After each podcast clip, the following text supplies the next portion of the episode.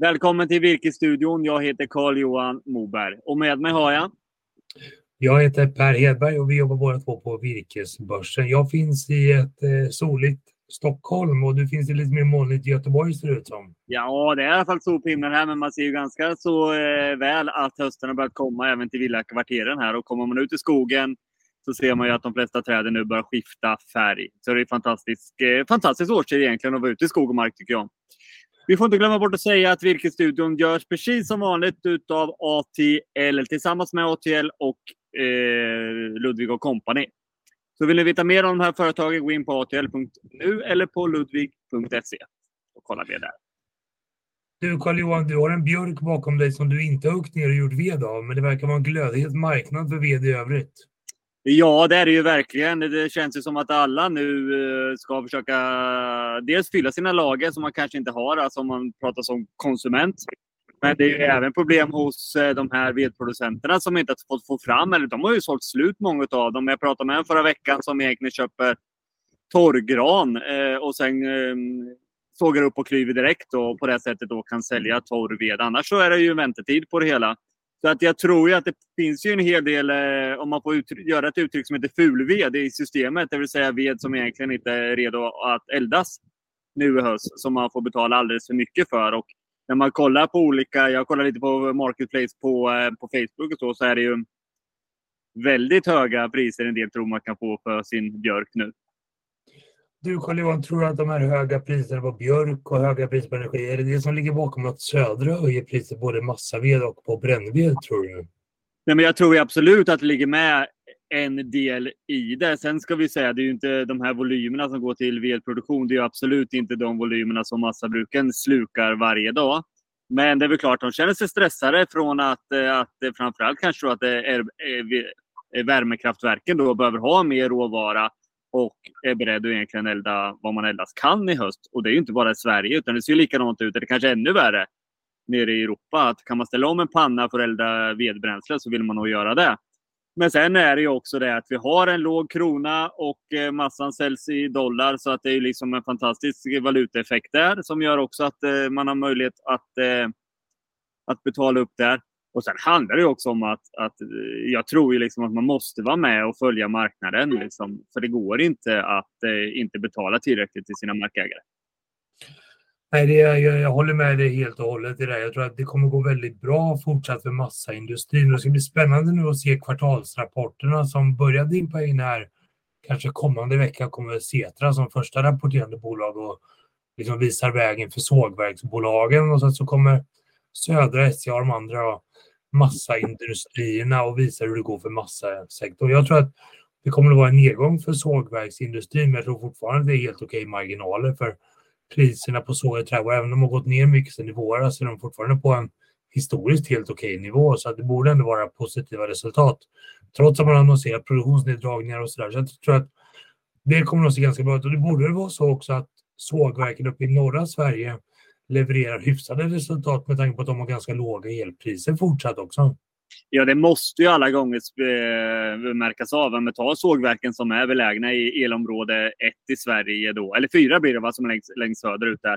Det är klart, de har ju betydligt högre elpriser än vad de har uppe i Norrland. Så det måste ju, måste ju synas liksom i de resultaten.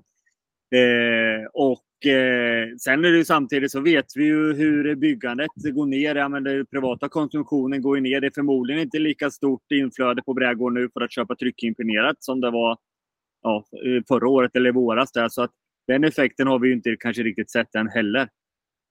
Hur tycker du att man ska tänka som skogsägare givet marknaden just nu då med lite, vi har möjligtvis en vikande marknad på sågtimmer uppåtgående vad det verkar som på massaved och brännved. Hur ska man tänka i skogsbruket?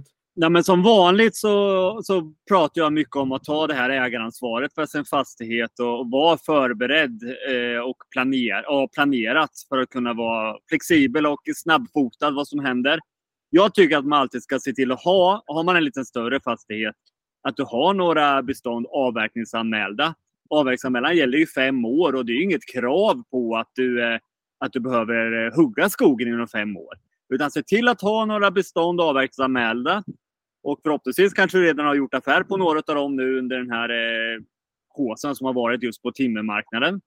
Men i det här fallet också så ska du ha några gallringsobjekt som ligger i pipen också. För det är ju hög tid att kanske se till att gallra de där eh, avdelningarna som man har väntat lite med för att man kanske satsar på att eh, slutavverka istället. Och med de här massavedspriserna så blir det ju trots ökade kostnader för maskinerna så blir det ju ändå liksom ett bra resultat från gallringen.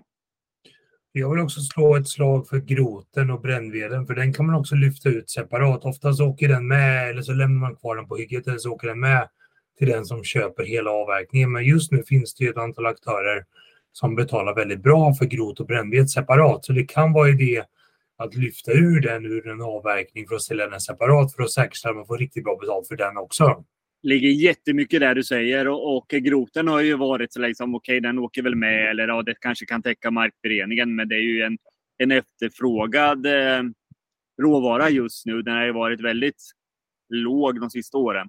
Och brännveden då som för en, eh, det är ju nästan en månad sedan den låg på 150 kronor kubiken eh, nere i södra Sverige och nu helt plötsligt uppe 250 kronor kubiken.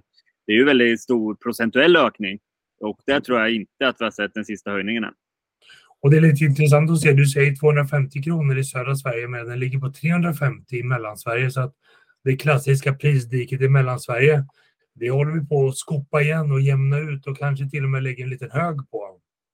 Nej, men det tror jag. Och sen eh, är det som vi blickar ut oss. Då vi pratar om Östersjön som är en stor virkesmarknad. Och där är det ju så att jämför man då priserna mellan länderna runt Östersjön så är det ju Sverige och Norge som har lägst virkespriser. Och det här måste man ju själv som markägare vara med och bidra till att det inte blir så här. Utan se till att konkurrensutsätta ditt virke. Kan du göra affärer med någon annan som är beredd att höja eh, priserna så tycker jag du ska göra det. Och det tycker jag också. Har du grot eller har du brännved, det kan ju vara att du har några högar kvar från den tidigare avverkningen eller liknande. Hör av dig till oss på virkesbörsen så hjälper vi gärna till och se att du kan få ett vettigt pris på både grot och på brännved. Och på tal om det här Östersjömarknaden, det var ju intressant att se nu under sommaren så gick björkmassavedspriset i Baltikum gick från ungefär 50 euro per, per kubikmeter, vilket i sig är högt jämfört med Sverige, till nu en bra bit över 1000 kronor per kubikmeter. Så det är, det är priser som vi nästan bara kan fantisera om i Sverige, men som vi försöker lyfta in nu till den svenska marknaden.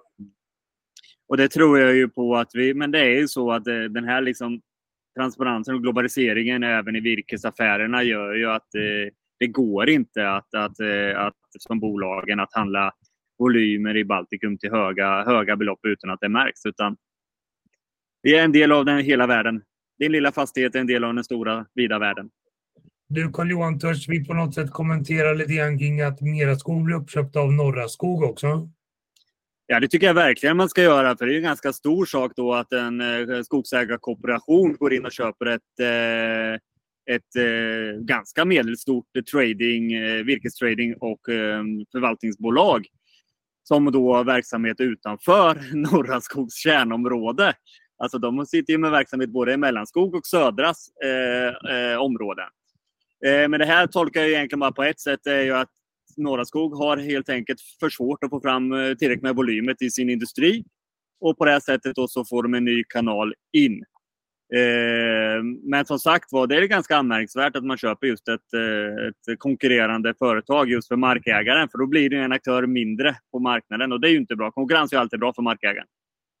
Jag tycker det här ligger så att säga i linje med att man stängde Östavall och sa att vi inte hade råvara tillräckligt för det sågverket och nu anskaffar man ett annat anskaffningsbolag då i ungefär samma område och det pekar väl, bägge två saker pekar på att det varit lite ont om att få fram volymer till de leveranser man vill leverera. Mm.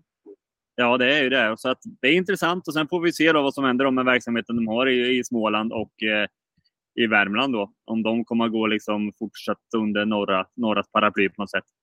Ingen aning. Jag tycker att som skogsägare, gå in och läs ATL, håll er uppdaterade, läs på om virkesmarknaden, gå in på virkesborsen.se jämför virkespriser och när det är dags att gallra eller sluta verka eller sälja grot, ja, då tycker jag verkligen ni ska höra av er till oss på Virkesbörsen. Det kan man göra på info.virkesborsen.se. Och behöver man annat stöd och hjälp och råd och dåd i skogsbruket, då går man in på ludvig.se. Där tycker jag vi har en ganska elegant treenighet när det kommer till kunskap, Carl-Johan. Det tycker jag alla gånger. För det är ju så, som markägare ska man vara uppdaterad vad som händer. Och sen är det ju så att man måste också vara beredd att köpa alltså professionell kompetens för att nå, få det man vill med sin fastighet. Man måste ha tydliga mål egentligen varför man äger sin skog. Och kanske speciellt nu när vi är den här tiden på året när vi vet att många är ute på sina fastigheter. Det är ju älgjaktsveckan i södra Sverige och jag tror att många är ute och kanske just idag här och tittar och kollar efter älg. Men många är ändå ute liksom för att eh, rekreation, plocka svamp och hela bitarna då. Men lyft blicken, kolla på skogen. Försök eh, använda lite digitala eh, verktyg för att mäta på skogen, få fram vad det, vad det står för volym och saker där och försök få bilda en egen uppfattning. Vad vill jag göra med det här och vad finns det för möjligheter? För det är du som är markägare som äger din fastighet som ska ta besluten om vad som ska göras. Jag vill också skicka med att om det är så att man upptäcker mer barkborreskador så tycker jag inte man ska misströsta för mycket över det, utan det finns mycket värde att rädda i virket ändå. Har man barkborre, virke och timmer så hör av er till virkesbossen.se. För det finns kunder som faktiskt efterfrågar den här typen av kvaliteter också. Det gör det alla gånger och som sagt det går ju faktiskt att bygga rätt så bra med granbarkborre eh, virke också, det som går att sågas. Och det som inte går att sågas, precis som jag pratat om innan, så behöver vi elda för att hålla värmen i våra hus i framöver och igång industrin. Du karl johan jag tycker vi rundar av där för idag. Jag tycker du ska spara den där björken bakom dig. Den var så vacker. Så att, hugg inte ner den eller inte upp den. Jag tycker att den är lite... Den har nog sett sina bästa år kan jag säga. Och eh, jag ska inte göra någonting med det för den står på grannens tomt. Ja, då får låta den stå den anledningen. Du karl johan ha det gott tills vi hörs igen. Det gör vi. Tack, hej!